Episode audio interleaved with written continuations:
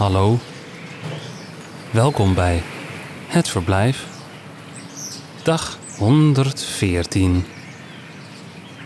Vandaag Jaap Goedegeburen leest Schipper naast God van Jaap Goedegeburen. Totdat ik zijn Judas werd, had ik nooit iets vreemds aan de schipper gemerkt. Als een geduldige vader leerde hij me de knopen die je moest kunnen leggen wanneer je bij de zevenkennis ging. Moeizaam oefende ik middag na middag de mastworp en de paalsteek, terwijl hij in het keukentje van zijn vrijgezellenflat grote mokken koffie maakte, grauw van de melk en mierzoet. Om te zien hoe ik het ervan afbracht, kwam hij achter me staan, drukte zijn handen op mijn schouders en vroeg of het een beetje ging. Wel iets heel anders dan lezen, rekenen en schrijven, is het niet? Uit zijn maag borrelde een grinnikend lachje omhoog. Hij was de vijftig al ruim voorbij, maar zijn blozende appelwangen maakten hem leeftijdloos. Hij speelde al zo lang mee in het spel van verkennen voor jongens dat hij Baden-Powell zelf geworden was. Ook op doordeweekse dagen, als hij zich op zijn bromfiets door de stad spoedde, de polissen, schadeformulieren en kwitanties in zijn leren schoudertas, had hij de schipperspet op, de stormband onder zijn kin. Zonder mij iets te vragen hadden mijn vader en moeder me aan hem toevertrouwd. Ze maakten zich zorgen om mijn eenzelvigheid en mijn neiging om zoveel mogelijk binnenshuis te blijven. Omdat de ruwe spelletjes van mijn leeftijdgenoten me tegenstonden, had ik nauwelijks vrienden, niet in de buurt en ook niet op school. Aan het vooruitzicht van zaterdagmiddag op de rivier en jaarlijkse kampeerweken in de Biesbos ontleenden mijn ouders de hoop dat er meer dan een bleekneus in me stak. Ik verzweeg dat ik al gauw een flinke hekel aan de zevenkennerij had. Swinters, als we door weer en wind het water opgingen, zat ik kleumend in de sloep en werd zelfs van het roeien niet warm. Zomers kreeg ik de kriebels van de wollen trui en de beret, die je ook dan moest blijven dragen. Op een tropisch warme dag, toen ik niet achter wilde blijven bij het duiken van de kade zo de diepe haven in, verdronk ik bijna. Tussen de andere jongens, zonder uitzondering leerlingen van de ambachtschool, die net als hun vaders en broers zouden eindigen als laster of monteur op de plaatselijke scheepswerf, voelde ik me niet erg op mijn gemak. Ze maakten er geen geheim van dat ze weinig op hadden met iemand van het gymnasium, een woord dat ze met smaak verhaspelden. Maar wegblijven was geen optie, laat staan dat ik mijn lidmaatschap kon beëindigen. Afmaken waar je aan begonnen bent, dat was de regel waarmee ik werd opgevoed. En ik wilde de schipper niet teleurstellen. Ik merkte maar al te goed dat hij me in bescherming nam en zelfs voortrok. Als de enige geletterde van het gezelschap mocht ik bij het kampvuur het spannende verhaal voorlezen. Met voorbijzien aan oudere en meer ervaren verkenners werd ik weldra in rang verhoogd, eerst tot kwartiermeester en al gauw ook tot bootsman. Het stelde me vrij van het roeien en bracht me nog nauwer in contact met de schipper, die ik nu niet alleen op zaterdagmiddag zag, maar ook door de weeks, op een zogeheten kaderavond. Dan zaten we met zo'n twaalf jongens in het clublokaal te luisteren naar de levenslessen die van padvinders verantwoordelijke volwassenen moest maken. Rein in gedachte, woord en daad. Intussen was ik aan het wegzinken in een moeras van indolentie en knoeierij. Van mijn klasgenoten op de lagere school was ik de enige die de overgang naar het gymnasium had gemaakt. Ik moest er elke dag een half uur voor fietsen, kende in het begin helemaal niemand en raakte nog meer geïsoleerd dan ik al was. Het eerste jaar wist ik nog redelijk te doorstaan, maar in klas 2 ging het binnen drie maanden helemaal fout.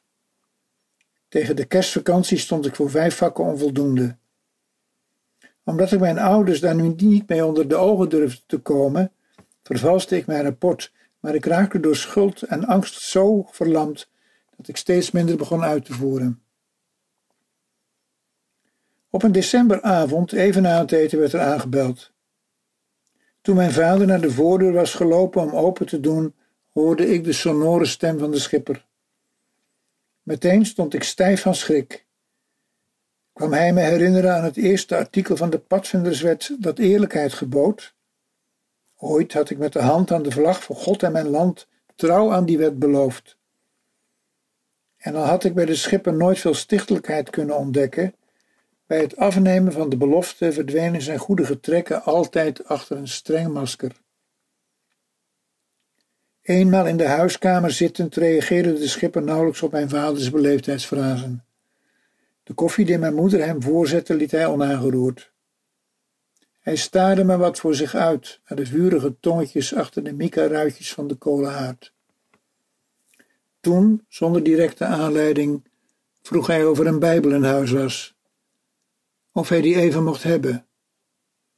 Mijn ouders knikten verbouwereerd. Kon hij iets voorlezen?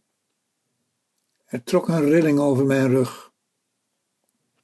Met een schuin oog kon ik zien dat hij het Matthäus-evangelie opsloeg. Toen het avond geworden was, lag hij aan met de twaalf. En terwijl zij aten, zeide hij: Voorwaar, ik zeg u, dat een van u mij verraden zal.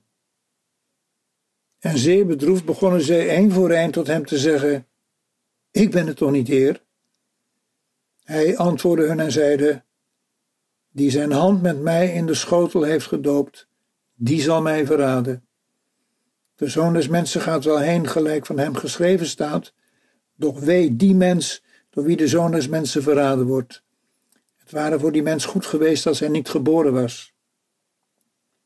Judas, zijn verrader, antwoordde en zeide: Ik ben het toch niet, rabbi? Hij zeide tot hem: Gij hebt het gezegd. De schipper sloeg de Bijbel dicht en zuchtte. Ja, daar staat u zeker van te kijken. Ik had nooit gedacht dat dit me nog eens zou overkomen. 45 jaar ben ik al bij de verkennerij en nog nooit heeft een van mijn jongens mij bedrogen. Met een smattelijk lachje om zijn mond keek hij ons drieën één voor één aan. Toen mijn vader vroeg wat hij bedoelde, opende hij de Bijbel opnieuw en begon te bladeren. Hier heb ik het. Meester, wij weten dat gij waarachtig zijt en de weg Gods en waarheid leert en dat gij u aan niemand verstoort, want gij ziet de mensen niet naar de ogen. Zegt ons dan wat u dunkt. Is het geoorloofd de keizer belasting te betalen of niet? Doch Jezus doorzag hun valsheid en zeide: Wat verzoekt gij mij, gij huigelaars? Zuchtend stond de schipper op. Ik moet gaan, maar ik hoop dat u eens bij uzelf te raden gaat. Ik had verwacht dat mijn ouders me onmiddellijk na zijn vertrek aan een kruisverhoor zouden onderwerpen. Maar tot mijn verbazing beperkten ze zich ertoe elkaar meewarig aan te kijken en hun schouders op te halen. Terwijl mijn vader dus met heel veel smaak begon te vertellen over een paar gevallen van godsdienstwaanzin die hij van nabij had meegemaakt, glipte ik naar mijn kamer. Toen ik na de jaarwisseling weer in het clubgebouw kwam, kreeg ik van de stuurman te horen dat de schipper tijdens de kerstnachtdienst in elkaar was gezakt. In het ziekenhuis had men ondervoeding geconstateerd.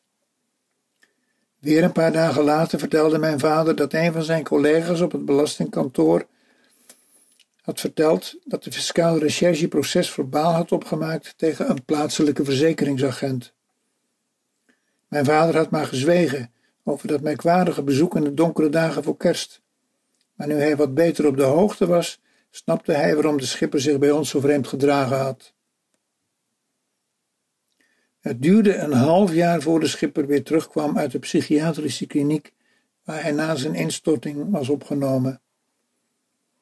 Hij kwam pas voor het eerst weer kijken in het clubgebouw nadat ik ruim was blijven zitten in klas 2 en mijn ouders eindelijk had opgebiecht dat ik ze willens en wetens had misleid.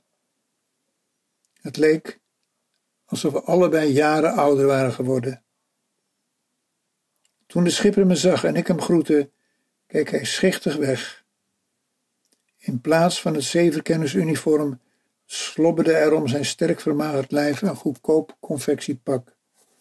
Op zijn hoofd had hij een grijze, platte pet.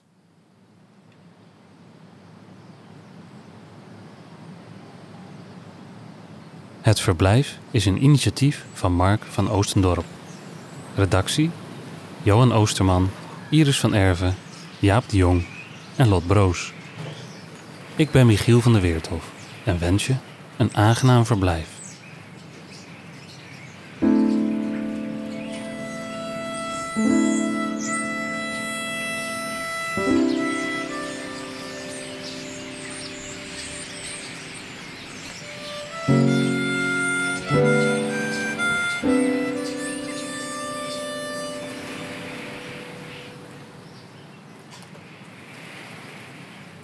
tot morgen.